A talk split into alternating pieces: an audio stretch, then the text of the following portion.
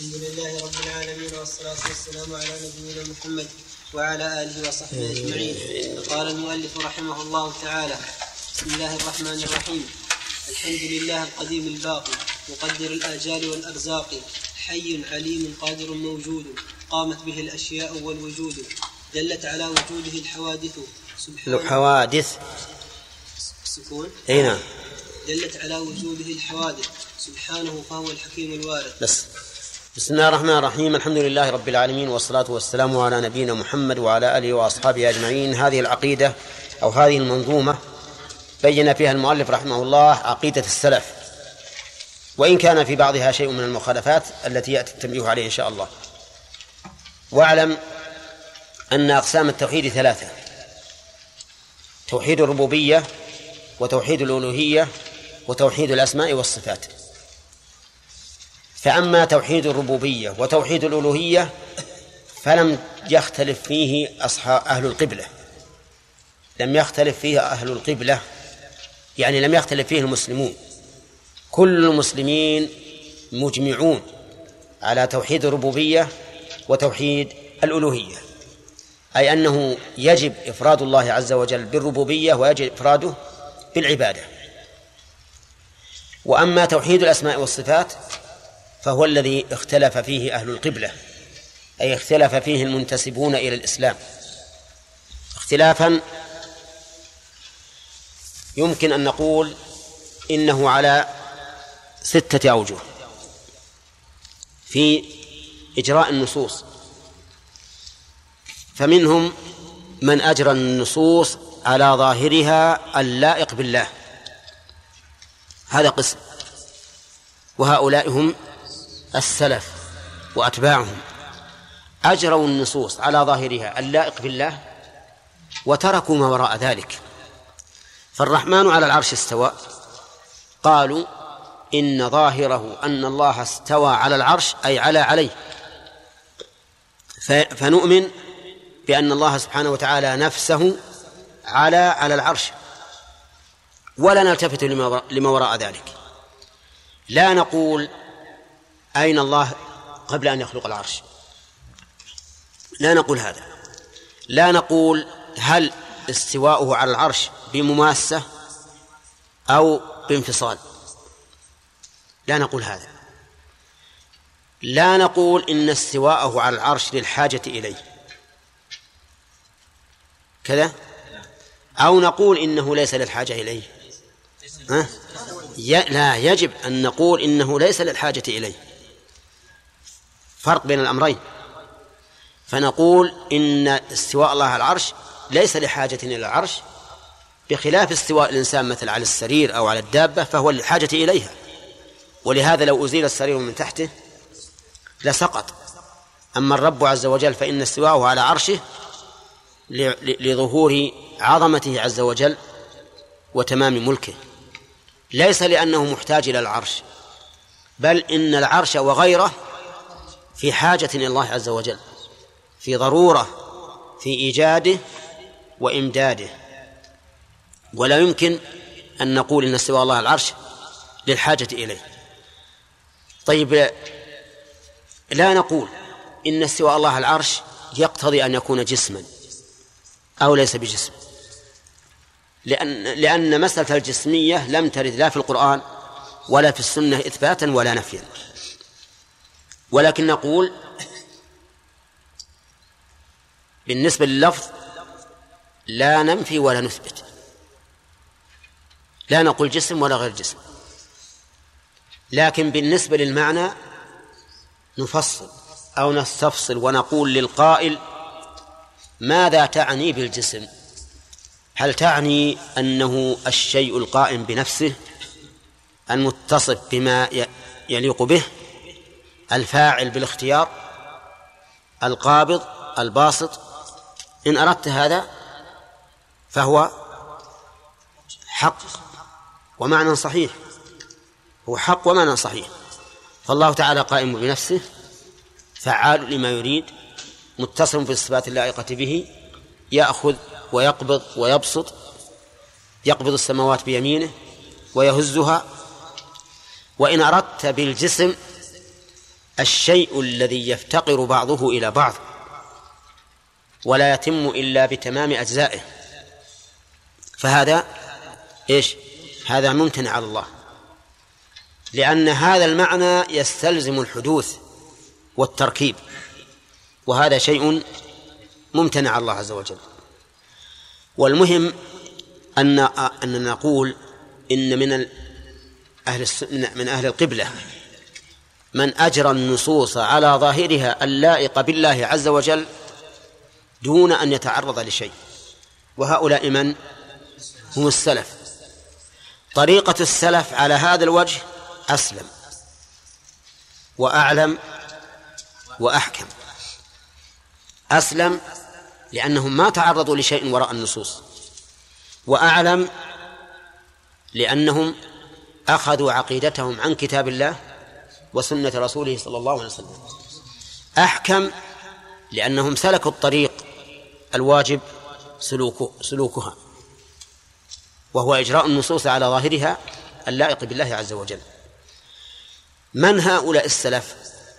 هم الصحابة والتابعون لهم بإحسان وأئمة المسلمين كالإمام أحمد بن حنبل ومالك والشافعي وأبي حنيفة وسفيان الثوري والأوزاعي وغيرهم من أئمة المسلمين. وهل يمكن أن تكون السلفية في وقتنا الحاضر؟ نعم. ونقول هي سلفية عقيدة وإن لم تكن سلفية زمنا لأن السلف سبقوا زمنا لكن هؤلاء سلفية عقيدة عقيدة وعملا في الواقع. وهم بالنسبة لمن بعدهم ها؟ سلف. هم بالنسبة لمن بعدهم سلف. كما قال النبي عليه الصلاة والسلام في زيارة المقابر أنتم سلفنا ونحن بالأثر. أنتم سلفنا ونحن بالأثر. القسم الثاني أجروا النصوص على ظاهرها. وقالوا النصوص على ظاهرها. لكنها من جنس صفات المخلوقين. من جنس صفات المخلوقين. قالوا إن لله يدا كأيدينا كأيدينا وجها كوجوهنا. عرفتم؟ وهؤلاء من؟ هؤلاء الممثلة هؤلاء هم الممثلة. وهؤلاء بلا شك ضالون. لم يقدروا الله حق قدره. ولو قدروا الله حق قدره ما جعلوا صفاته كصفات خلقه. وهم أيضا متناقضون. لأنهم لم يجعلوا الذات الإلهية كالذات المخلوقة. ومعلوم أن الصفات فرع عن الذات فإذا كانت الذات لا تماثل ذوات المخلوقين فالصفات أيضا لا تماثل إيش؟ صفات المخلوقين. لأن صفة كل ذات تناسبها. أرأيت قدم البعير وقدم الذرة. أو رجل البعير ورجل الذرة. يتماثلان؟ كيف؟ يتماثلان؟ ها؟ أقول لا يتماثلان. بينهما فرق عظيم جدا. فإذا قال قائل عندي رجل جمل وقال الثاني عندي رجل ذرة. هل يفهم أحد من الناس أن الذي عند الثاني كالذي عند الأول؟ لماذا؟ لأن ذات الجمل ليست كذات الذرة. إذن صفاتها ليست كصفات الذرة. طيب قوة الفيل وقوة الذرة. كلاهما قوة. وهل هما متماثلان؟ ها؟ انتبهوا يا جماعة. غير متماثلين؟ طيب لأن قوة الذرة بسيطة. تعجز عن عن شيء يسير. الفيل ها؟ يشيل ما شاء الله أشياء كثيرة يحمل. فإذا قال الله عن نفسه عز وجل بل يداه مبسوطتان أو لما خلقت بيدي هل يمكن لعاقل أن أن يعتقد أو يتصور أن يد الله عز وجل كيد المخلوق؟ أبدا لا يمكن. وكيف يمكن ذلك؟ والله عز وجل يقول وما قدر الله حق قدره والأرض جميعا قبضته يوم القيامة والسماوات مطويات بيمينه. يوم نطوي السماء كطي السجل للكتب. الإنسان الكاتب يطوي الكتاب هكذا بسهولة. لكن هل يمكن للبشر كلهم أن يطووا واحدا من السماوات؟ أبدا. إذن هؤلاء ضالون. الممثلة ضالون لم يقدر الله حق قدره. طيب وهل هم كافرون؟ نعم. كافرون. لأن الله عز وجل يقول ليس كمثله شيء. فإذا قال بل مثله شيء فقد كذب الخبر. وتكذيب خبر الله كفر. ولهذا قال نعيم بن حماد الخزاعي رحمه الله شيخ البخاري من شبه الله بخلقه فقد كفر ومن جحد ما وصف به نفسه فقد كفر. وليس فيما وصف الله به نفسه ولا رسوله تشبيها. فإذا هؤلاء ضالون وكفار أيضا. نعم. ومن هذا ما كتب به إلي بعض الناس وسمعته من بعض الأشرطة أنه يوجد في الأفلام الكرتونية التي تنشر في التلفزيون يوجد أنهم يشبهون الله عز وجل بشيخ رهيب رهيب آه، مزعج المنظر ذو لحية طويلة عملاق نعم فوق السحاب يسخر الرياح ويعمل. الحقيقة أني أشهد الله أن هذا نشر للكفر الصريح لأن الصبي إذا شاهد مثل هذا وفي أول تمييزه سوف ينطبع في نفسه إلى أن يموت. أبواه يهودانه أو ينصرانه أو يمجسانه. اللهم إلا أن يقيض الله له من ينتشله من هذه الورطة فنعم. ولهذا أقول إن الذين يعرضون هذه الأشياء لصبيان المسلمين سوف يحاسبون عند الله حسابا عسيرا يوم القيامة. لأنهم يريدون شاءوا أم أبوا أن يضل الناس بهذا ضلالا مبينا. وعلينا جميعا إذا كانت الأفلام على هذا الوجه أن نحذر منها أهل البيوت. نحذر منها أهل البيوت حتى لا يقعوا في هذا الشر المستطير الذي هو أعظم من شر الأغاني وغيرها. لأن كون الإنسان يمثل الله عز وجل بهذه الصورة البشعة لا شك أنه من أعظم المنكر والعياذ بالله.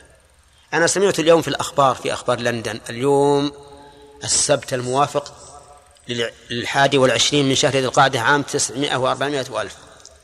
سمعت أنه حصلت مظاهرات عظيمة في بنغلاديش على نعال. نعال مكتوب عليها اسم الجلالة لفظ الجلالة صريحا. فحصلت مظاهرات عظيمة حتى أدى إلى أن تعتذر الشركة الموردة لهذا إلى الحكومة والشعب وتلتزم بإحراقها وإبدالها. تلتزم بإحراقها وإبدالها. فأقول انظروا إلى أعداء الله كيف يريدون أن يهينوا رب العزة والجلال. بهذه الأشياء التي تسري على الناس سريان النار في الفحم من من غير أن يشعر بها وسريان السم في الجسد من غير أن يشعر به والواجب علينا نحن المسلمين ولا سيما في بلادنا هذه أن نكون حذرين يقظين لأن بلادنا هذه مغزوة من في العقيدة. وفي الأخلاق وفي الأعمال من كل وجه من كل وجه. لا تظن أن الغزو أن يقبل العدو بجحافله ودباباته وصواريخه ليهدم الديار ويقتل الناس. الغزو هو هذا. هذا هو الغزو المشكل الذي يدخل الناس من حيث لا يشعرون. والإنسان بشر بشر مدني متكيف. ينفر من الشيء أول ما يسمعه ولكن بعد مدة يرتاح إليه ويتأقلم عليه ويكون كأنه أمر عادي. حتى الأمراض اللي في الجسم أول ما يدخل فيروس المرض ينفر منه الجسم ويتأثر ويسخن لكن ربما يأخذ عليه. على كل حال هذه النقطة أنا أود منكم بارك الله فيكم وأنتم طلبة علم عليكم مسؤولية. أن تحذروا الناس من هذه الأفلام ما دامت تعرض مثل هذه الأمور التي لا يشك مؤمن بالله عز وجل أن عرضها قيادة للأطفال إلى الكفر. إلى الكفر بالله عز وجل وإهانة الله سبحانه وتعالى. نحن أهل الجزيرة علينا مسؤولية عظيمة. ليست على بقية الناس. من هنا ظهر الإسلام وإليه يعود. في هذا في هذه الجزيرة قال رسول البرية عليه الصلاة والسلام في مرض موته أخرجوا المشركين من جزيرة العرب. وقال لا أخرجن اليهود والنصارى من جزيرة العرب حتى لا أدع إلا مسلما. وقال أخرجوا اليهود والنصارى من جزيرة العرب. وإذا كان الرسول عليه الصلاة والسلام أمرنا بإخراج أجسادهم فإنه يأمرنا أمرا أولويا بإخراج أفكارهم وأخلاقهم التي يبثونها بين الناس ليضلوا عباد الله عز وجل. ما ظنكم لو أن الرسول عليه الصلاة والسلام أمامنا الآن يقول في مرض موته على فراش الموت أخرجوا المشركين من جزيرة العرب لماذا؟ لأنهم أجسام بشر مثلنا لا. لأنهم يبثون شركهم وشرورهم بيننا. فهذه فهذه الجزيرة لها شأن عظيم وميزان كبير في نظر الشرع باعتبار حماية الدين الإسلامي. فأنا أجعلها أمانة في أعناقكم أن تحرصوا غاية الحرص على التحذير من هذه الأفلام. وأنا ما كنت أظن أنها تبلغ إلى هذا المبلغ. ولهذا أسأل عنها فأتهاون فيها في الواقع. أسأل عنها هل تجوز للصبيان مشاهدتها؟ فأتهاون فيها. لكن سمعت من أمس شريط عنوانه منكرات البيوت. أحد الخطباء جزاه الله خير خطب حول هذا الموضوع أربع خطب وذكر منها ما قلت لكم. وجاءني أيضا رسالة من شخص فيها هذا الشيء. يقول إنه يبث من التلفزيون هذه المناظر للأطفال. هذه الجملة جملة معترضة لكنها جملة هامة جدا لكنها معترضة بالنسبة للدرس. سببها الاستطراد على مسألة المماثلة وأن من مثل الله بخلقه فهو فهو كافر. طيب اشترك هذان الطائفة هذان القسمان. اشترك في إيش؟ في إجراء النصوص على ظاهرها. وافترقا في أن السلف أجروها على اللائق بالله عز وجل وهؤلاء أجروها على وجه التمثيل بالمخلوقات وهذا فرقان عظيم. القسم الثالث من أجروا النصوص على خلاف ظاهرها. أجروها على خلاف ظاهرها إلى معان ابتكروها بعقولهم. وهؤلاء الذين يدعون أنهم العلماء والحكماء. ويقولون طريقة السلف طريقة ال... الذين يقرؤون الكتاب أماني ولا يعرفون أما نحن فنحن أهل العلم والحكمة. ولهذا قالوا طريقة الخلف أعلم وأحكم. وقد ذكرنا في كتاب تلخيص الحموية بيان بطلان هذا القول. طيب هؤلاء الذين يجرون النصوص على إيش؟ على خلاف الظاهر إلى معان عينوها بعقولهم. فقالوا استوى على العرش أي استولى على العرش. يد الله أي قوته أو نعمته. وجه الله ثوابه. محبة الله ثوابه. غضب الله انتقامه. وهكذا. لماذا؟ قال لأن المعنى الظاهر ممتنع على الله عز وجل. المعنى الظاهر ممتنع على الله. وإذا كان ممتنعا فلنا عقول نتصرف فيها. إذا كان الأمر كما قلتم نقول بكل بساطة لماذا يتحدث الله عن نفسه بعبارات غير مقصودة ويجعل الأمر موكولا إلى عقولنا بل الصواب أنه ليس إلى العقل بل إلى الهوى إلى الهوى المختلف الذي يقول فيه فلان هذا واجب ويقول فلان الثاني هذا ممتنع. على الله. والثالث يقول هذا جائز. لماذا يجعل الله عز وجل الحديث عن صفاته بكلمات لا يراد بها ظاهرها؟ وهل هذا إلا تعمية؟ خلاف البيان الذي قال الله تعالى يريد الله ليبين لكم يبين الله لكم أن تضلوا. ولماذا يجعل الأمر موكول إلى إلى إلى ما نقتضيه ما تقتضيه عقولنا التي ليست عقلا في الواقع بل هي وهم. قالوا لأجل أن يزيد ثوابنا أن يزيد ثوابنا بتحويل النص إلى معناه لأنك إذا أخذت النص على ظاهره لم تتكلف. صح ولا لا؟ لكن إذا صرفته عن ظاهره يحتاج إلى دليل من اللغة وشواهد وجهد كبير حتى تصل إلى المعنى المراد. فهذه التعمية الواردة في أعظم الأخبار المقصود بها كثرة الثواب. يا سبحان الله العظيم. يضيع الله أصلا عظيما في التحدث عن نفسه من أجل أن يزيد ثوابنا بالتعب. ثم التعب اللي الذي يأتي لغير سبب. لا يثاب عليه الإنسان. التعب الذي يأتي بغير سبب ما يثاب عليه الإنسان.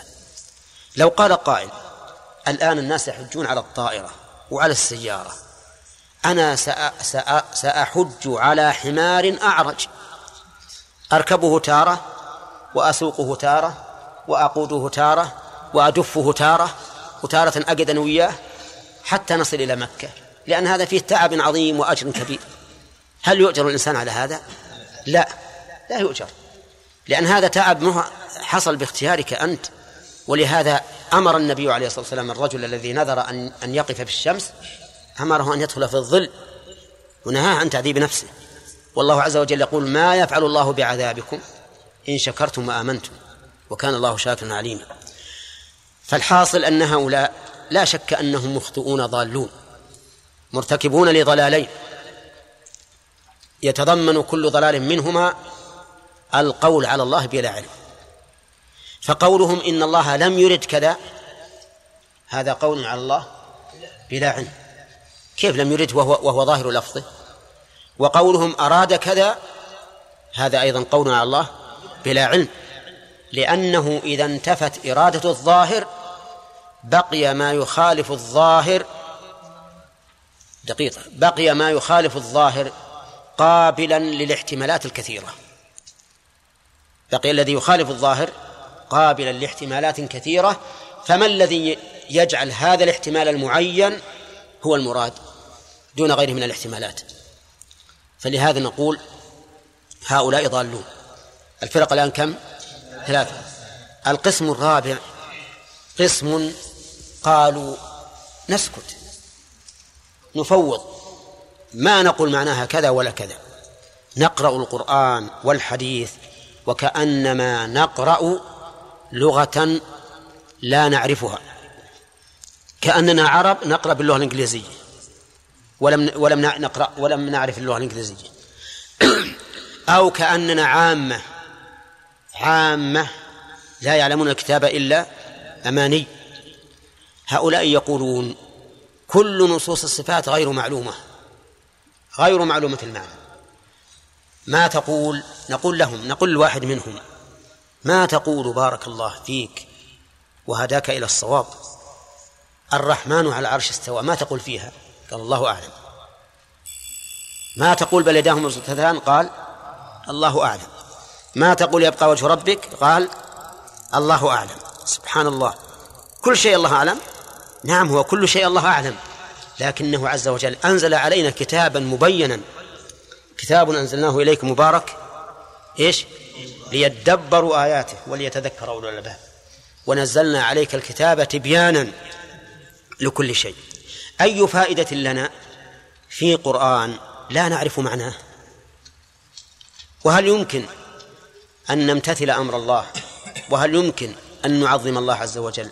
وهل يمكن أن ننفي عنه النقائص ونحن لا نعلم ما أراد بكلامه؟ وش الجواب؟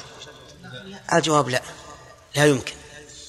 وإذا كنتم معنا أنتم تقولون إن آيات الأحكام وأحاديث الأحكام معلومة المعنى فالناس يعرفون معنى الصلاة والزكاة والصيام والحج. فلماذا لا تجعلون آيات الصفات وهي أعظم معلومة؟ المعنى لأن آيات الصفات تتعلق بذات الخالق عز وجل. وآيات الأحكام تتعلق بعمل المخلوق. لماذا لا تجعلون هذه أولى بالعلم؟ المهم هؤلاء يسمون عند أهل السنة المفوضة. طيب. ألم تعلموا أن بعض العلماء يقولون إن التفويض هو مذهب السلف؟ نعم. فيه فيه من يقول إن مذهب التفويض هو مذهب السلف. ويقول أهل السنة قسمان مؤولة ومفوضة. مؤولة ومفوضة. هذا واقع. ولكن شيخ الإسلام ابن تيمية رحمه الله يقول وصدق فيما قال قول أهل التفويض من شر أقوال أهل البدع والإلحاد. من شر أقوال أهل البدع والإلحاد. وذكر تعليلات عظيمة قوية في كتابه المعروف بالعقل والنقل درء تعارض العقل والنقل. ذكر أدلة وقال هذا الذي فتح علينا باب الفلاسفة. هذا الذي قال لنا قال هذا الذي جعل أهل التخيل ينكرون اليوم الآخر والجنة والنار. وقالوا إذا كنتم لا تعلمون معاني هذه الصفات فنحن أصحابه نحن أصحابه إحنا اللي نعرف؟ أنتم لا تعرفون ما يتعلق بالرب نحن اللي نعرف ما يتعلق بالرب. الرب كله ما له أصل وإنما هو تخويف من عباقرة من البشر من أجل أن يستقيم الناس على ما طلب منهم. فالشيخ الإسلام رحمه الله صدق فيما قال. يعني ينزل الله علينا كتابا ورسوله عليه الصلاة والسلام يخبرنا بأخبار فيما يتعلق بذات الرب عز وجل وصفاته. كله ما ما له معنى ولا يجوز أن نتكلم بمعناه هذا من أعظم ما يكون من من الإلحاد والكفر. وفيه من الاستهانة بالقرآن الكريم والذم به له ما لا يعلمه إلا من تأمل هذا القول الفاسد الباطل. هذه إذن أربعة أربع فرق. فرقة خامسة قالوا والله نحن ما نتكلم. نقول يجوز أن يكون المراد بها الظاهر اللائق بالله. ويجوز أن يكون الظاهر بها أن يكون المراد بها الظاهر المماثل للمخلوقين. ويجوز أن يكون المراد بها خلاف الظاهر. ويجوز أن لا يكون المراد بها شيء. كل هذا جائز كل هذا ممكن. وما دامت الاحتمالات قائمة فالواجب الإمساك.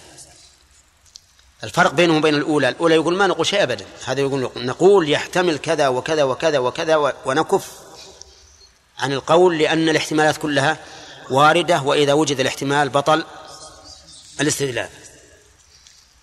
السادسة قوم أعرضوا عن هذا كله وقالوا فكونا منكم يا جماعة. لا تقولوا شيء في صفة الله. نحن نبي نقرأ القرآن نتعبد الله بقراءته. ولا نتعرض لمعناه فيما يتعلق بالصفات إطلاقا. ما نقول شيء. قل المراد ظاهرة لائق بالله. المراد ظاهرة المماثل المخلوقين. المراد خلاف الظاهر. وجوب التفويض. يحتمل هذا وهذا؟ قل أحد الأشياء الخمسة. قال ما أقول شيء. كون من شركم. يا جماعة ويزعق علينا. روح عني. هؤلاء ساكتون. لا يقدرونها بقلوبهم ولا ينطقون بها بألسنتهم. بل يسكتون عن هذا كله. واضح؟ هل هؤلاء سالمون؟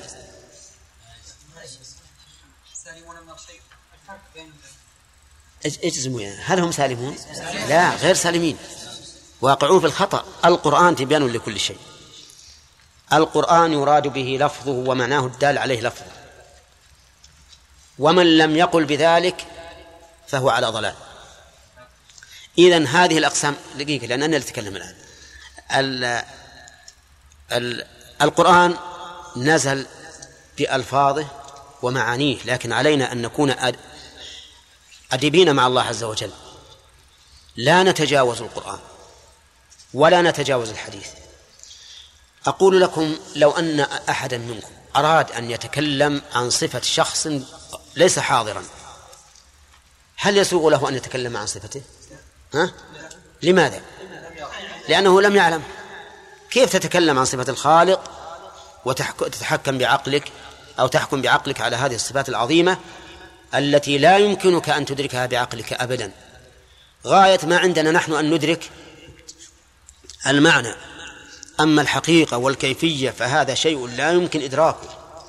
ولهذا يحرم على الإنسان أن يتخيل أو أن يتصور شيئا من صفات الله عز وجل. يعني لا يجوز أن تتصور أو تتخيل يد الله شلون هي مثلا. ولهذا سأل النساء المرة وقال ما تقول في أصابع الله؟ كم؟ كم أصابع الله؟ أعوذ بالله. أحد يسأل هذا السؤال. يا أخي اتق ربك. أنت ملزم بهذا؟ أثبت أن لله أصابع كما قال الله عز وجل كما قال الرسول عليه الصلاة والسلام. وأما كم؟ ما يمكن أن نتكلم بهذا. قلت له والله ما أنت بأحرص على العلم بالله من الصحابة. ما أنت أحرص منهم. هل الصحابة لما قال الرسول عليه الصلاة والسلام إن الله يجعل السماوات على إصبع والأرضين على إصبع إلى آخره هل قالوا يا رسول الله هل لله أكثر من الأصابع؟ نعم ما قالوه. لأنهم لأنهم أكملوا أدبا. وأشد تعظيما لله ممن يأتي بعدهم. وإذا كنت صادقا في عبادة الله فلا تتجاوز ما أخبر الله به عن نفسه كما أنك لا تتجاوز ما شرعه الله لعباده.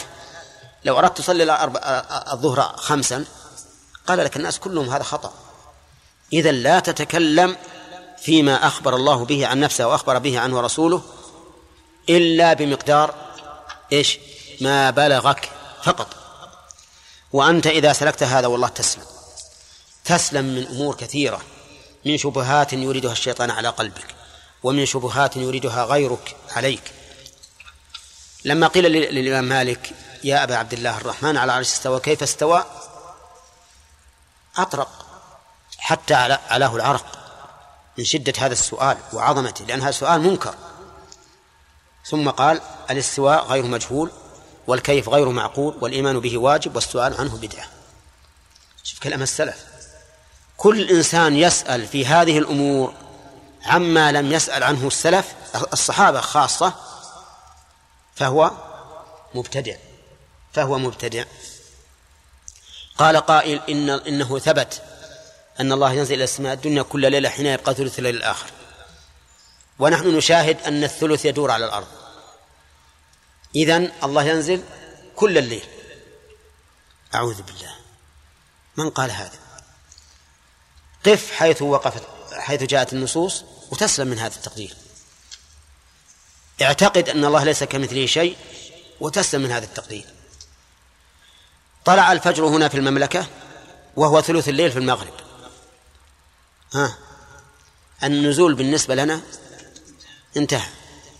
بالنسبة لهؤلاء الذي عندهم الثلث موجود. نحن في الثلث وأهل المشرق قد طلع عليهم الفجر. النزول بالنسبة لأهل المشرق انتهى وبالنسبة لنا بدأ. ولا تتعدى هذا يا أخي. لست بملزوم بهذه التقديرات أبدا. والله لو كان خيرا لسبقنا إليه الصحابة رضي الله عنهم. الصحابة أحرص منا على الخير.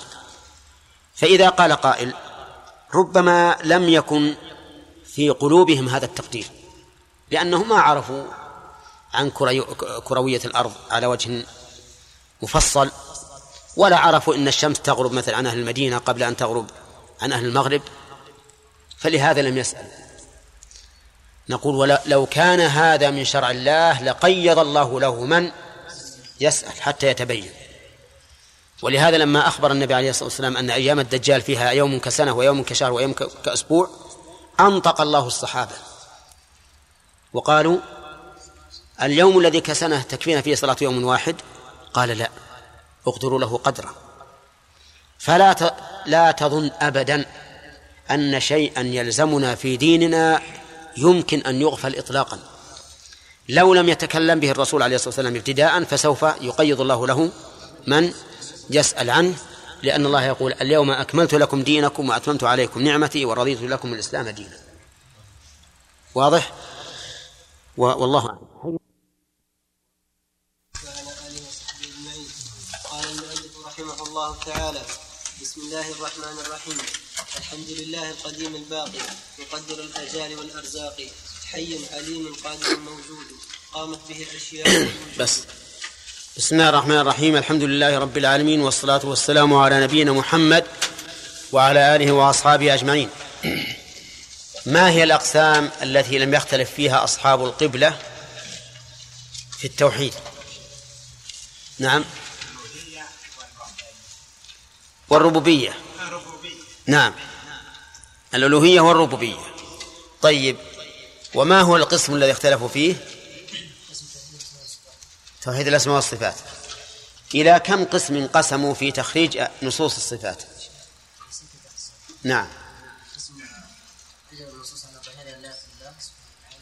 نعم. أحسنت. الثاني؟ على خلاف ظاهرها إلى؟ على خلاف ظاهرها إلى إيش؟ يعني جعلوا لها معاني. لا. نعم. يعني أجروها على خلاف ظاهرها إلى معاني ابتكروها بعقولهم. طيب. رشيد. نعم اسم أجروها على ظاهرها مع أن قالوا إنه من جنس المخلوقين. أحسنت. أجروها على ظاهرها وجعلوها من جنس صفات المخلوقين وهم الممثلة. نعم. اسم أجروها على ظاهرها وفوضوا وفوضوا وفوضوا الكيفية لا. وفوضوا علما ما أجروها على ظاهرها سكت عن يعني فوضوا آه، فوضوا المعنى. يعني قالوا نقرأ اللفظ وأما المعنى فيجب أن نفوضه إلى الله ولا نتكلم فيه. قسم جوز جميع الأشياء. قالوا ممكن أن تكون على ظاهرها أو تكون مثلا تصرف إلى تأويل آخر. نعم. أو تفوض الله سبحانه طيب. أي واحد؟ كيف نفوها ما ما حد يقدر ينفي النصوص. نعم. نعم. توقفوا عن كل هذه التقديرات وقالوا لا نتكلم بشيء. نعم. وأيهم أي هذه الأقسام أسعد بالدليل؟ القسم الأول الذين أجروها على ظاهرها اللائق بالله عز وجل.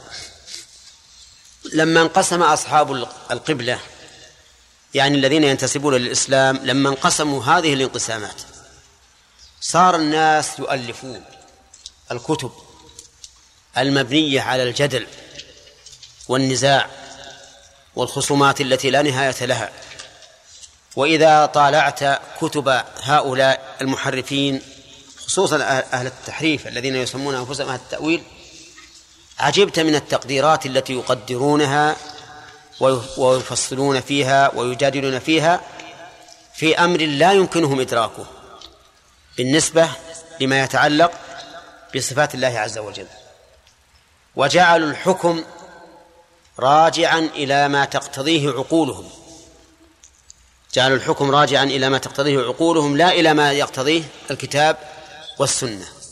فظلوا في ذلك ضلالا بينا وصاروا يتخبطون خبط عشواء لا يعرفون من الحق شيئا. ألف أهل السنة الذين سلكوا مسلك السلف ألفوا كتبا في العقيدة. كتبا كثيرة مختصرة ومطولة ومتوسطة. ومن جملة ما ألف هذه المنظومة التي نظمها السفاريني رحمه الله فنظمها على مذهب أهل السنة والجماعة. على على ما فيها من بعض الأشياء التي تحتاج إلى بيان. يقول رحمه الله الحمد لله القديم الباقي. الحمد لله. اولا ما معنى الحمد؟ الحمد يقولون هو وصف المحمود بالكمال على وجه المحبة والتعظيم. وصف المحمود بالكمال على وجه المحبة والتعظيم. فإن كرر الوصف صار ثناء. ولهذا جاء في الحديث الصحيح أن الله تعالى يقول قسمت الصلاة بيني وبين عبدي نصفين فإذا قال الحمد لله رب العالمين قال حمدني عبدي وإذا قال الرحمن الرحيم قال أثنى علي عبدي. فنفسر الحمد بأنه وصف المحمود بالكمال مع إيش؟ مع المحبة والتعظيم. طيب. وقوله الحمد ال قالوا إنها للاستغراق. للاستغراق ال للاستغراق. يعني جميع المحامد ثابتة لله. واللام في قوله الله قالوا إنها للاستحقاق أو للاختصاص. وإن شئنا قلنا إنها للاستحقاق وللاختصاص. للاستحقاق لأن الله تعالى مستحق للحمد. وللاختصاص لأن المحامد كلها لا تكون إلا لله وحده. فقط. طيب. وقوله لله. الله سبحانه وتعالى علم على الرب سبحانه وتعالى رب العالمين. وهو علم مختص به لا يمكن أن يكون لغيره. وهذا العلم يكون دائما متبوعا لا تابعا. بمعنى أنه هو الذي يتبع بالأسماء وليس بتابع. فمثلا قال الله تعالى الحمد لله رب العالمين. لله ثم قال رب العالمين. لم يقل الحمد لرب العالمين الله. وقال بسم الله الرحمن الرحيم. ولم يقل بسم الرحمن الرحيم الله. فهو دائما هو الذي تتبعه الأسماء. ويلحق بها. وقوله القديم. القديم يعني السابق لغيره. السابق لغيره. فهو بمعنى الأول. وقد قال الله تعالى هو الأول والآخر والظاهر والباطن. وهو بكل شيء عليم. هو الأول والآخر والظاهر والباطن وهو بكل شيء عليم. ولكن هذا الاسم بهذا اللفظ لم يرد لا في الكتاب ولا في السنة. اسم القديم لم يرد لا في الكتاب ولا في السنة. وإذا لم يرد في الكتاب ولا في السنة فليس لنا أن نسمي الله به. لأننا إذا سمينا الله بما لم يسمي به نفسه فقد قفونا ما ليس لنا به علم. وقلنا على الله ما لا نعلم. والله تعالى قد حرم ذلك. فقال إنما حرم ربي الفواحش ما ظهر منها وما بطن والإثم والبغي بغير الحق وأن تشركوا بالله ما لم ينزل به سلطانا وأن تقولوا على الله ما لا تعلمون. وقال تعالى ولا تقف ما ليس لك به علم. إن السمع والبصر والفؤاد كل أولئك كان عنه مسؤولا. وإذا سمينا الله بما لم يسمي به نفسه فذلك جناية وعدوان. أرأيت لو أن شخصا سماك بغير اسمك؟ هل تعتبر ذلك جناية عليك ولا لا؟ نعم جناية عليك. كذلك إذا سميت الله عز وجل بما لم يسمي به نفسه فهذا جناية وعدوان في حق الخالق عز وجل فلا يحل لك. إذن ننظر في القرآن والسنة. هل جاء اسم القديم من أسماء الله؟ الجواب لا. إذن لا يجوز أن نسمي الله به. لأنه لم يرد في الكتاب ولا في السنة. ثانيا لأن لأن القديم ليس من الأسماء الحسنى. والله عز وجل يقول ولله الأسماء الحسنى. القديم ليس من الأسماء الحسنى لأنه لا يدل على الكمال. فإن القديم يطلق على السابق لغيره سواء كان حادثا أم أزليا. أليس كذلك؟ قال الله تعالى والقمر قدرناه منازل حتى عاد كالعرجون القديم.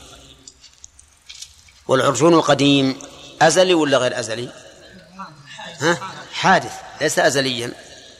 لأن العرجون القديم هو عذق النخلة الذي يلتوي إذا تقدم به العهد ولا شك أنه حادث. والحدوث نقص وأسماء الله تعالى كلها حسنى لا تحتمل النقص بأي وجه. فتبين أن تسمية الله بالقديم لا تجوز بدليل بدليل عقلي وبدليل سمعي الدليل السمعي قوله تعالى قل إنما حرم ربي الفواحش ما ظهر منها وما بطن إلى قوله وأن تقولوا على الله ما لا تعلمون وقوله تعالى ولا تقف ما ليس لك به علم الدليل العقلي أن القديم ليس من الأسماء الحسنى لأنه يتضمن نقصا. ما هو النقص؟ أن القديم قد يراد به الشيء الحادث. ومعلوم أن الحدوث نقص. فلو قال المؤلف بدل القديم الحمد لله العليم العليم أو العظيم أو الكريم أو ما أشبه ذلك من الأسماء التي ثبتت التي أثبتها الله نفسه. الباقي إذن هذا مما يؤخذ على المؤلف. انتبهوا. نحن قلنا إن العقيد إن المنظومة هذه على مذهب أهل السنة والجماعة لكن فيها بعض الأشياء التي فيها نظر. من جملتها هذا هذا الاسم. الباقي الباقي يعني الذي يبقى بعد كل شيء. فهو بمعنى الآخر الذي ليس بعده شيء. والآخر من أسماء الله. قال الله تعالى هو الأول والآخر والظاهر والباطن.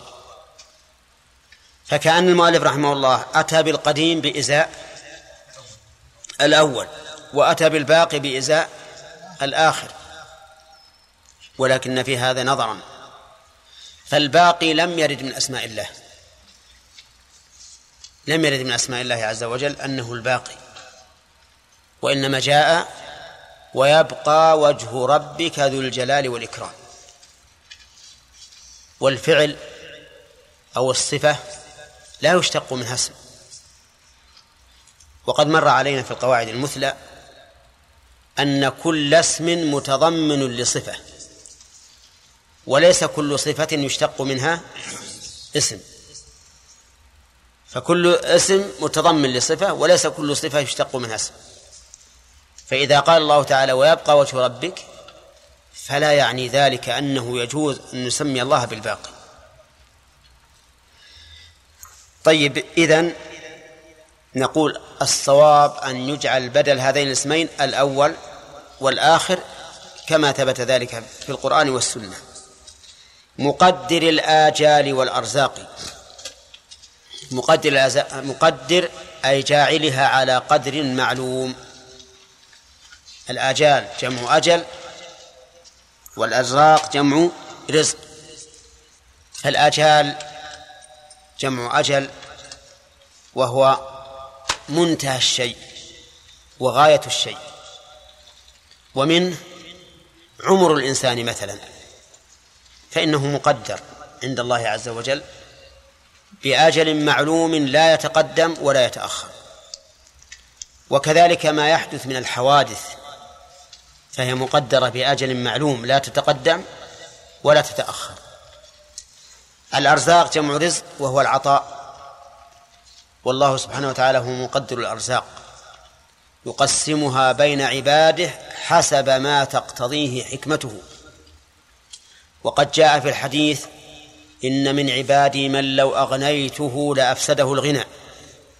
وإن من عبادي من لو أفقرته لأفسده الفقر. والله عز وجل يرزق من يشاء لكن حسب حكمته ورحمته. قد يبتلي الله الإنسان بالفقر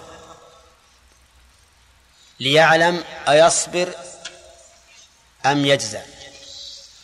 وقد يبتلي الله الإنسان بالغنى ليعلم أيشكر أم يكفر. والله تعالى يقدر الأرزاق كلها. فإذا قال قائل إذا كان الله مقدر مقدر الآجال والأرزاق فهل يسوغ لنا أن لا نفعل ما يكون به الرزق؟ أه؟ لا يسوغ. لا يسوغ. لأن لأن الله تعالى إذا قدر شيئا فإنه يقدره بأسبابه. فإذا قدر الرزق لشخص فإنه يقدره لأسباب يقوم بها يقوم بها الشخص. وقد يكون لأسباب لا يقوم بها الشخص كما لو مات لك ميت فورثته. هذا ليس من فعلك. لكن على كل حال تقدير الله تعالى للأشياء لا يستلزم ولا يسوق أن تدع الأسباب النافعة. حي عليم قادر موجود. حي من أسماء الله. قال الله تعالى الله لا إله إلا هو. الحي. فالله سبحانه وتعالى هو الحي الحياة الكاملة التي لم تسبق بعدم ولا يلحقها زوال. الحياة الكاملة بجميع الصفات الكمال. حي عليم أي ذو علم والعلم إدراك الشيء على ما هو عليه. وعلم الله سبحانه وتعالى شامل لكل شيء. إن الله لا يخفى عليه شيء في الأرض ولا في السماء. ولقد خلقنا الإنسان ونعلم ما توسوس به نفسه. أي ما تحدثه به نفسه وإن لم يخرجه للناس. بل يعلم سبحانه وتعالى ما سيحدث. فضلا عن الحادث. قادر موجود. القدرة صفة يتمكن بها الفاعل من الفعل بلا بلا عجز. فالله عز وجل قادر بقدرة هي وصفه. وهي صفة يتمكن بها الفاعل من الفعل بلا عجز بل يفعل دون أن يعجز. والقوة صفة يتمكن الفاعل منها بها من الفعل بلا ضعف. بلا ضعف. وأضرب مثلا يتبين به الفرق. فإذا قيل لشخص ارفع هذا الحجر فزحزحه وعجز. نقول إنه غير قادر.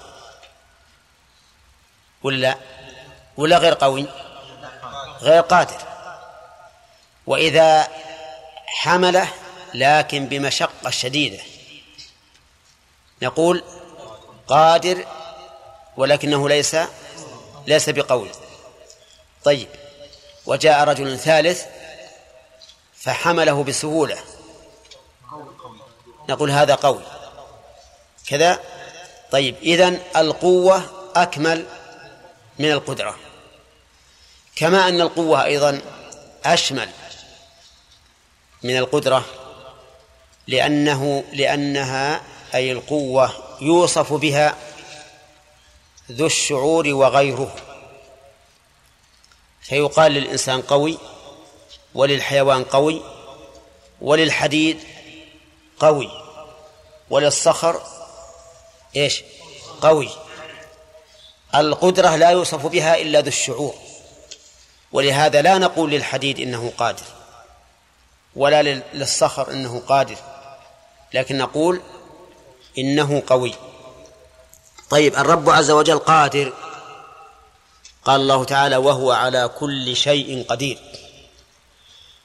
قدرته لا يستعصي عليها شيء. قادر على كل شيء. وسيأتينا إن شاء الله تعالى بيان ما تتعلق بالقدرة في كلام المؤلف. موجود. كلمة موجود حقيقة أنها مقحمة إقحاما لا وجه له. لأنه يغني عنها قوله حي. لأن الحي موجود ولا معدوم؟ ها؟ موجود. وكلمة موجود ليست من الصفات الكاملة لأن الموجود قد يكون ناقصا وقد يكون كاملا لكن يعتذر عن المؤلف أنه أتى بها من باب الخبر لا من باب التسمية. ويصح أن نخبر عن الله بأنه موجود ولكن لا نسميه بذلك. كما يصح أن نقول إن الله متكلم ولكن لا نسميه بذلك.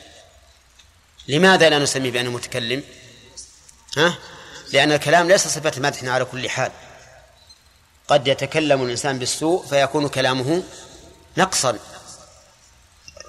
لكن أقول إنه يتسامح عن المؤلف بأنه قصد الخبر. قامت به الأشياء والوجود. نعم. قامت به أي بالله عز وجل الأشياء كلها. بل الوجود كله. لولا الله عز وجل ما كان الوجود ولا كانت الأشياء لولا الله عز وجل يمد هذه الأشياء والوجود بما تبقى به ما بقيت. فكل شيء قائم بالله عز وجل لقوله ومن آياته أن تقوم السماء والأرض بأمره. فكل شيء قائم بالله من الأشياء والوجود. والله أعلم. قال رحمه الله تعالى دلت على وجوده الحوادث سبحانه فهو الحكيم الوارث. ثم الصلاة والسلام صرمدا على النبي على النبي المصطفى كنز بس. بسم الله الرحمن الرحيم الحمد لله رب العالمين والصلاة والسلام على نبينا محمد وعلى آله وأصحابه أجمعين. قال المؤلف رحمه الله تعالى الحمد لله القديم الباقي مقدر الآجال والأرزاق حي عليم قادر موجود وقامت به الأشياء والوجود. فما هو الحمد؟ الأخ. لا لا اللي وراء. اي نعم. ها؟ الوصف الجميل لا.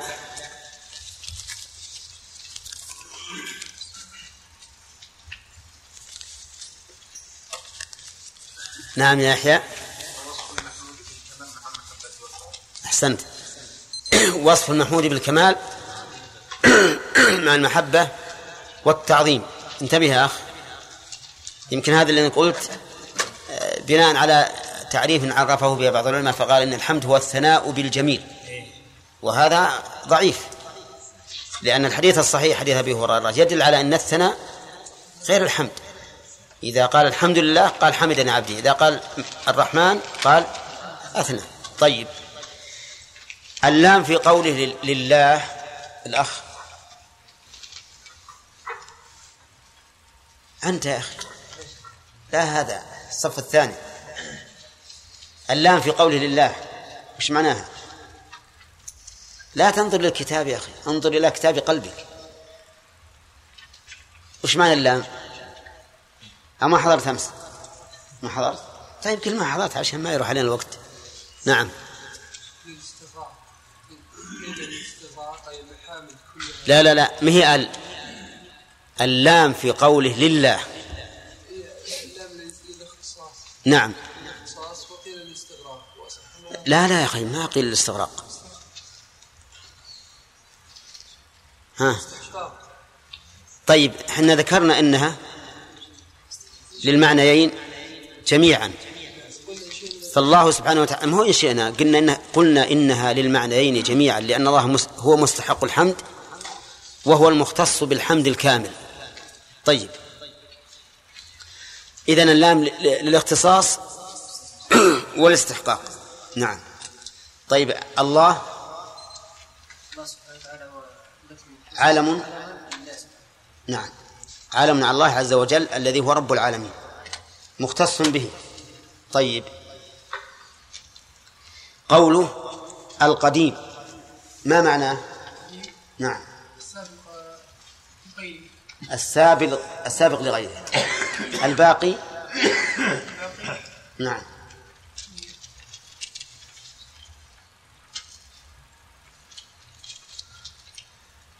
نعم. لا. نعم. الذي يبقى بعد غيره. نعم. طيب لماذا جاء المؤلف في القديم والباقي بإزاء عليان القديم بيزاء الأول طيب. هل يوافق المؤلف على هذا؟ فيعدل عن ما جاء به القرآن. لا يوافق. لا مؤلف ولا غيره. إذن الأفضل أن يعبر بالأول والآخر كما عبر الله سبحانه وتعالى عن نفسه. طيب. ذكرنا أن القديم لا يصح أن يكون من أسماء الله وإن كان يصح أن يخبر به عن الله لكن لا يصح أن يكون من أسمائه. لماذا؟ ذكرنا لسببين نعم. لأن لوجهين. أسماء الله سبحانه وتعالى توقيفية لم يرد في ولا السنة. أحسنت. وقال الله تعالى وأيضا لأنه من القول الله بلا علم. لا فيكون من القول. هذا متفرع على ذلك. نعم. ثانيا لأن لفظ قديم يعني ليس من أسماء من أسماء الحسنى. نعم. الله سبحانه وتعالى يقول ولله الأسماء الحسنى ما وجه كونه من غير الأسماء؟ نعم. ما وجه كونه من غير الأسماء الحسنى؟ لأنه يطلق أيضا على الحادث وعلى الازل على الحادث السابق لغيره وإن كان لم يكن أزليا. مثل؟ قوله تعالى حتى عاد والقمر قدرناه منازل مثل قوله تعالى والقمر قدرناه منازل حتى عاد كالعرجون القديم. كذا؟ أما أما في المقارنة بينه وبين الأول فنقول إنه أفضل من الأول بكثير. إن الأول أفضل منه بكثير. أولا لأن الله تسمى به وهو أعلم بأسمائه. والثاني أنه يدل على أن الله قبل كل شيء أنه أزلي. والثالث أن الأول قد يكون له معنى آخر غير السبق في الزمن. وهو المآل. الأول يعني الذي تؤول إليه الأشياء. فيكون مأخوذ من من الأول. بمعنى الرجوع لأن مرجع كل شيء إلى الله فيكون أوسع دلالة من من القديم. طيب مقدر الآجال والأرزاق ما هي الأرزاق؟ ما هي الأرزاق؟ جمع جمع رزق. طيب وهو لكن في اللغة. نعم. الرزق يعني العطاء. يعني أن أن العطاء يقدر الله عز وجل. زين. وسيأتي إن شاء الله البحث في الرزق. أنه يشمل ما كان حلالا وما كان حراما. يقول المؤلف رحمه الله قامت به الأشياء والوجود. ما معناها يا سامي؟ قامت به الأشياء والوجود. قائمة بالله. هو الذي أوجدها وهو الذي أمدها حتى بقت بقيت نعم وهو الذي أعدها أي هيأها لما تكون صالحة له. ها؟ ما أدري والله. يعني ما قلناها؟ زين ما يخالف. طيب. المثبت مقدم على النافي وأنا عندي أن شرحناه. لكن لكن بقي علينا ما ذكرته لكم أمس وهو الإعداد. ال- يعني القيام قيام الشيء بالله عز وجل يشمل ثلاثة أشياء الإيجاد والإمداد والإعداد. يشمل ثلاثة أشياء وهي الإيجاد والإمداد والإعداد. أما الإيجاد فلولا الله عز وجل ما وجدت الأشياء. هو الذي أوجد الأشياء عز وجل بقدرته وبحكمته. وهذه الأشياء الموجدة منها ما هو معلوم لنا ومنها ما هو غير معلوم. نحن لا نعلم إلا ما أعلمنا الله تعالى منها. ومع ذلك فما أعلمنا الله به لا نعلم أكثر مما أعلمنا عنه. قال الله تعالى ما أشهدتم خلق السماوات والأرض. نحن لا نعرف إلا السماء والأرض والنجوم والشمس والقمر والنج- والنجوم والعرش والكرسي. لكن هناك مخلوقات قبل ما ندري عنها. هناك مخلوقات من قبل لا ندري عنها. لأن الله سبحانه وتعالى لم يزل ولا يزال فعالا. لم يزل ولا يزال فعالا. والفاعل والفعل لا بد أن ينتج عنه إيش؟ مفعول. فإذا قلنا إن من صفاته الأزلية أنه فعال لزم من ذلك أن يكون هناك مفعول. طيب. فكل الأشياء كائنة بالله. أيضا الإمداد هو الذي أمدها حتى تبقى. أرأيت النبات ينبت في الأرض إذا منع الله المطر بقي النبات ولا. ولا فني ها؟ فني النبات وإذا أنزل الله المطر بقي النبات وزاد النبات إذن فإمداد هذه الموجودات بما يبقيها. وينميها من عند من؟ من عند الله عز وجل ثالثا إعدادها يعني تهيئتها لما هي صالحة له. فالإبل مثلا للركوب. أولم يروا أنا خلقنا لهم مما عملت أيدينا أنعاما فهم لها مالكون وذللناها لهم فمنها ركوبهم ومنها يأكلون. كيف أعدها وجعلها صالحة لما خلقت له؟ من حيث القوة والشكل. واحديدها بالظهر حتى يقوى على التحمل وإيجاد الشحم الكثير على ظهرها لئلا يرهقها الحمل ويكسر العظام أو يخل بها. إلى غير ذلك من الأشياء التي تكون مهيئة للش مهيئة للشيء لما أعد له. فقيام الأشياء بالله بالله عز وجل من حيث إيش؟ الإيجاد. إيش بعد؟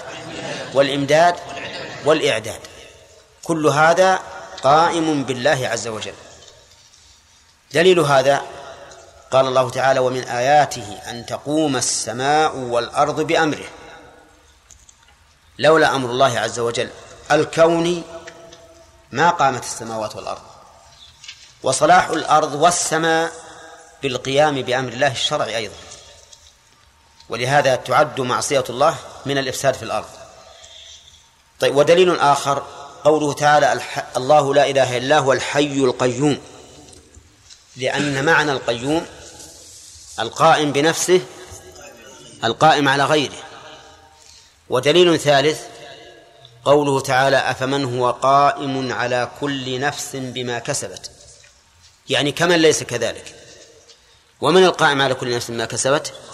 هو الله عز وجل. فصار الوجود كله قائم بالله تعالى إيجادا وش بعد وإمدادا وإعدادا. طيب. ثم قال المؤلف دلت على وجوده الحوادث. سبحانه فهو الحكيم الوارث. أراد المؤلف رحمه الله أن يستدل على وجود الله عز وجل. فاستدل بوجوده سبحانه وتعالى على الحوادث. يعني أن أن حدوث الأشياء دليل على وجود الله عز وجل. وتقرير هذا الدليل أن نقول كل حادث لا بد له من محدث. وإذا تتبعنا الأشياء وجدنا أنه لا محدث لهذا الحادث إلا الله عز وجل. ودليل هذا قوله تعالى أم خلقوا من غير شيء أم هم الخالقون؟ الجواب لا هذا ولا ذاك. يعني ليسوا خلقوا من غير من غير خالق ولا خلقوا أنفسهم. وحينئذ يتعين أن يكون لهم خالقا. فمن الذي خلقهم؟ الذي خلقهم هو الله. لأنه لا أحد يستطيع أن يقول أنا الذي خلقت. حتى الأب والأم لا يستطيعان أن يقولا خلقنا ما في بطون الأم. لو قال الأب أنا الذي خلقت ابني. نعم وجعلت له عينين ولسانا وشفتين وأصابع يدين ورجلين. قال الناس له ها؟ كذبت ملء شدقيك وأين أنت من الجنين في بطن أمه؟ هل شققت البطن وجعلت تسوي هذا؟ أبدا. هل نفخت فيه الروح؟ نعم. أبدا. إذن فهو كاذب. ولا يمكن أن يدعي ذلك أحد. لو قال والله ال- الذي خلقه سيدنا فلان سيدنا فلان المولى العظيم الكبير وينه؟ قال في قبره. وش نقول له؟ نقول كذبت ألف مرة. هذا اذهب إلى قبره إما أن يكون قد أكلته الأرض وإلا فهو جثة. لا يملك لنفسه شيئا فكيف يملك لغيره؟ وإذا وإذا كابرت فكل أحد يرد قولك إذن الحوادث دليل على وجود الله؟ نعم. الدليل أم خلقوا من غير شيء؟ أم هم الخالقون؟ أم خلقوا السماوات والأرض؟ بل لا يوقنون. ودليل عقلي أن كل حادث لا بد له من محدث ولا محدث للحوادث إلا الله عز وجل. ولكن ينبغي أن نسأل هل المؤلف أراد حصر الدليل على وجود الله عز وجل بهذه الطريق فقط؟ ها؟ الجواب لا. فإن كان أراد ذلك فلا شك أن هذا قصور. لأن الأدلة على وجود الله عز وجل الأدلة كثيرة شرعية وعقلية وحسية وفطرية. دلالة الفطرة على وجود الله أقوى من كل دليل لمن لم تجتله الشياطين. ولهذا قال الله تعالى فطرة الله التي فطر الناس عليها بعد قوله فأقم وجهك للدين حنيفا. فالفطرة السليمة تشهد بوجود الله. ولا يمكن أن يعدل عن هذه الفطرة إلا من اجتالته الشياطين. ومن اجتالته الشياطين فقد وجد في حقه مانع قوي يمنع هذا الدليل. أظن انتهى الوقت. إيه. أجل نقف على هذا. إيه، زين. نعم. قال رحمه الله تعالى ثم الصلاة والسلام سرمدا سرمدا. على على النبي المصطفى كنز الهدى وآله وصحبه الأبرار معادن التقوى مع الأسرار وبعد فاعلم أن كل العلم كالفرع للتوحيد فاسمع بس. بسم الله الرحمن الرحيم. الحمد لله رب العالمين والصلاة والسلام على نبينا محمد وعلى آله وأصحابه أجمعين. سبق أن المؤلف رحمه الله استدل على وجود الخالق بالحوادث وقال دلت على وجوده الحوادث ولا شك أن وجود الحوادث دليل على المحدث لأنه ما من حادث إلا وله محدث. لقوله تعالى أم خلقوا من غير شيء؟ أم هم الخالقون؟ أم خلقوا السماوات والأرض بل لا يوقنون. فكل حادث لا بد له من محدث. والحقيقة أن دلالة الحوادث على المحدث دلالة حسية عقلية. أما كونها حسية فلأنها مشاهدة بالحس وأما كونها عقلية فلأن العقل يدل على أن كل حادث لا بد له من محدث. ولهذا سئل أعرابي بما عرفت ربك. فقال له فقال الأثر يدل على المسير. الأثر يدل على المسير والبعرة تدل على البعير. فسماء ذات أبراج وأرض ذات فجاج وبحار ذات أمواج. ألا تدل على السميع البصير؟ أه؟ الجواب بلى. يعني هذا أعرابي استدل بعقله الفطري على أن هذه الحوادث العظيمة تدل على خالق عظيم عز وجل هو السميع البصير. فالحوادث دليل على وجود المحدث.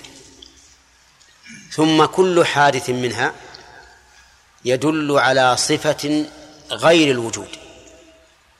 على صفة مناسبة غير الوجود. فنزول المطر يدل على شك لا شك على وجود الخالق ويدل على على رحمته. وهذه دلالة غير الدلالة على الوجود. وجود الجدب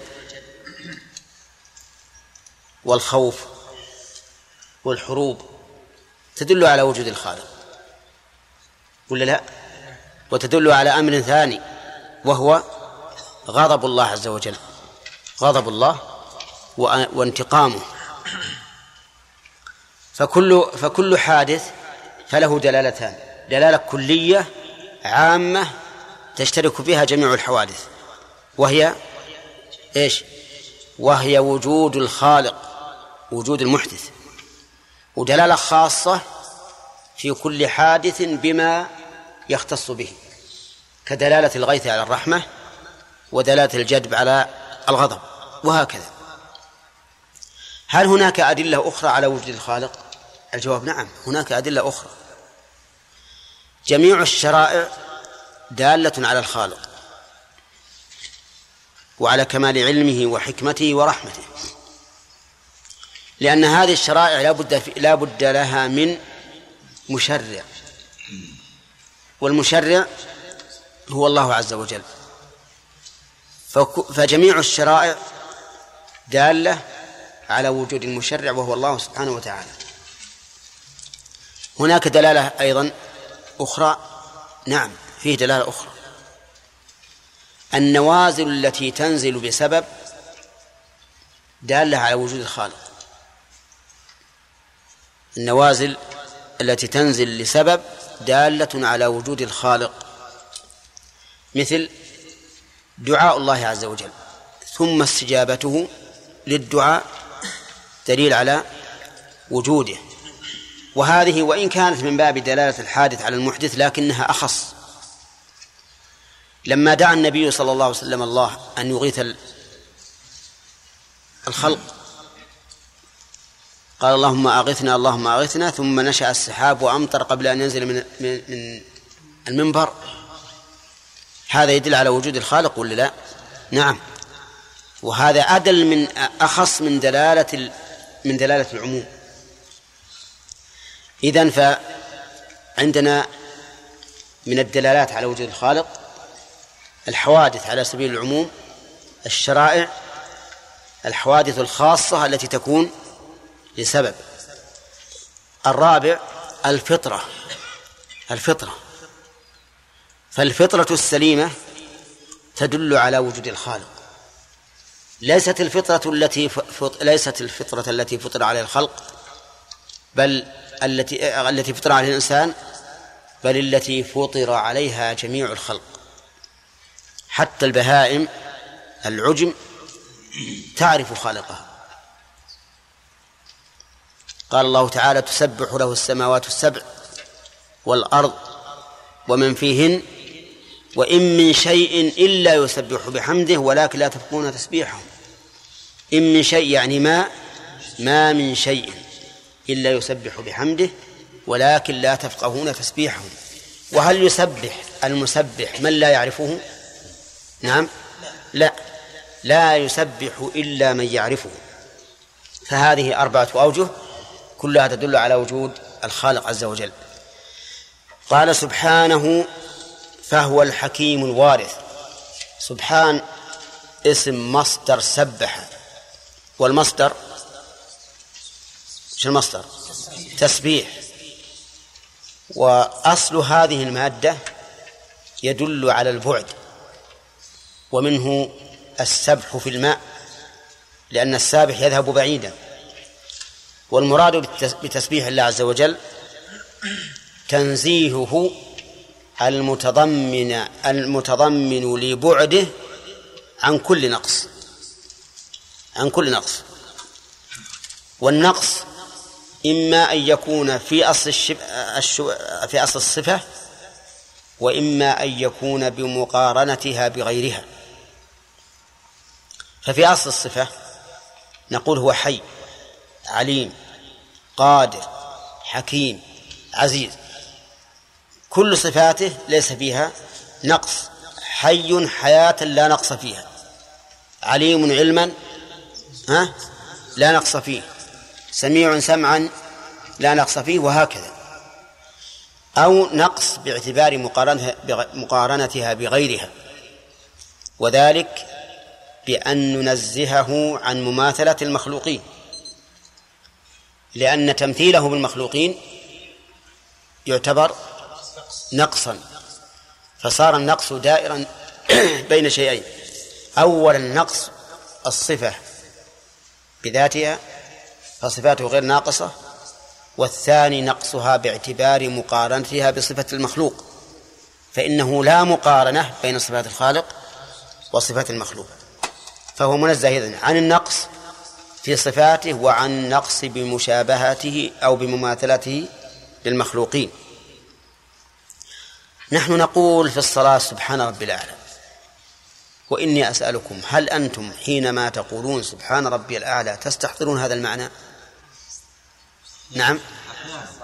أو أو تقول سبحان ربي الأعلى باعتبار أنه ذكر وثناء على الله. ها؟ الغالب هو هذا. الغالب على الناس عموما وخصوصا أنهم إذا قالوا سبحان ربي الأعلى لا يشعرون إلا بالثناء على الله والتنزيه المطلق. لكن ما يشعر أني أنزهك يا رب عن مماثلة المخلوقين وعن كل نقص في صفاتك. ما تشعر بهذا إلا قليلا. قال فهو الحكيم الوارث. فهو الحكيم. الحكيم مأخوذة من الحكم والإحكام. مأخوذة من الحكم والإحكام. فلله عز وجل الحكم وحكمه كله إحكام أي إتقان. والإتقان يعني الحكمة لأن الإتقان أن يوضع الشيء في موضعه على وجه لا خلل فيه. وهو والله سبحانه وتعالى في أفعاله وأحكامه كذلك. قال العلماء والحكم حكمان. حكم كوني وحكم شرعي. مثال الحكم الكوني قوله سبحانه وتعالى عن أحد إخوة يوسف فلن أبرح الأرض حتى يأذن لي أبي أو يحكم الله لي. هذا حكم كوني.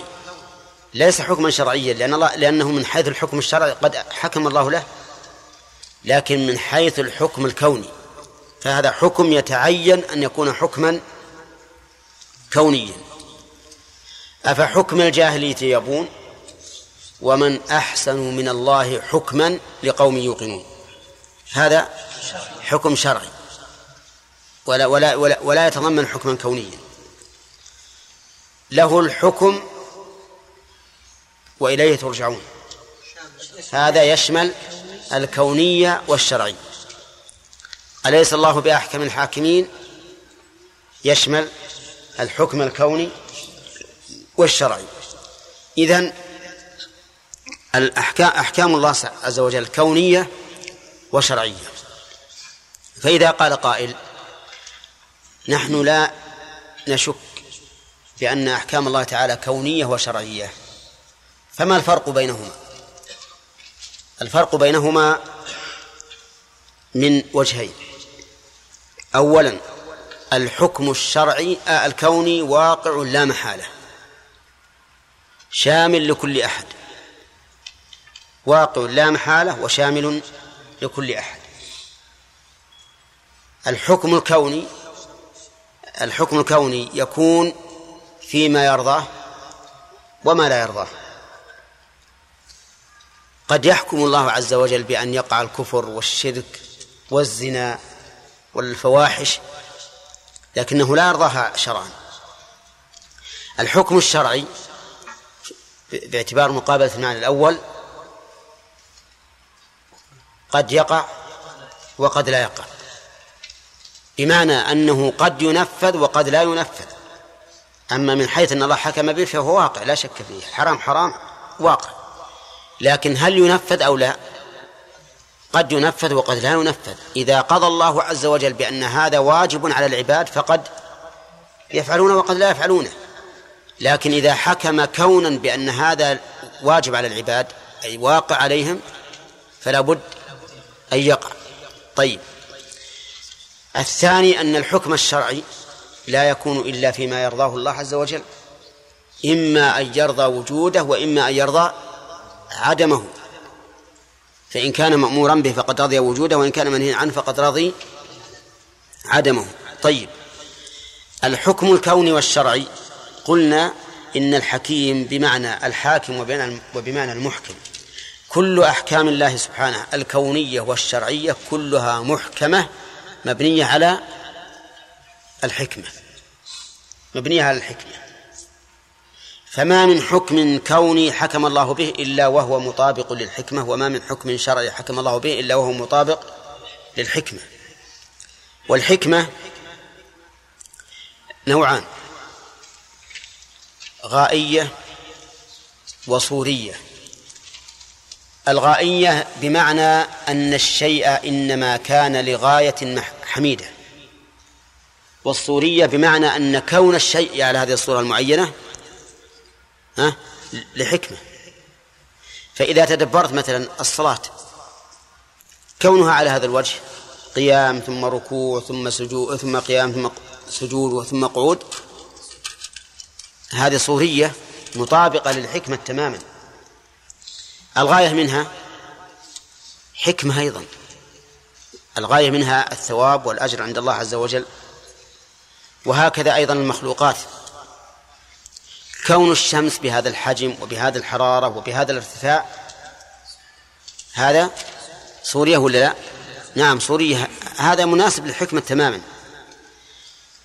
الثمرات الناتجة عن الشمس غائية. غائية. فالحاصل أن حكمة الله عز وجل تتعلق بالشيء من حيث صورته ومن حيث غايته وكل ذلك مطابق للحكمة. ولكن هل الحكمة معلومة للخلق؟ الجواب قد تكون معلومة وقد تكون غير معلومة لكن كونها غير معلومة لا يعني أنها معدومة. بل إنها موجودة لكن لقصورنا أو تقصيرنا لم نصل إليها. الأحكام الشرعية إذا لم يعلم العلماء حكمتها سموها بالأحكام التعبدية. بالأحكام التعبدية. ولهذا لو قال لك قائل ما الحكمة في أن تكون صلاة الظهر أربعا دون ثمانيا؟ دون ثمان هذه تعبدية ما, ما ليس العقل فيها مجال. هذه تعبدية. فهم يقولون إن علمت حكمة الحكم فهو حكم معقول. المعنى؟ مع ما فيه من التعبد لله. وإن لم تعلم فهو حكم إيش؟ تعبدي. ليس لنا أمامه إلا التعبد. وأيهما أقوى في التعبد؟ الامتثال للحكم التعبدي أو للحكم المعقول المعنى؟ الأول أشد.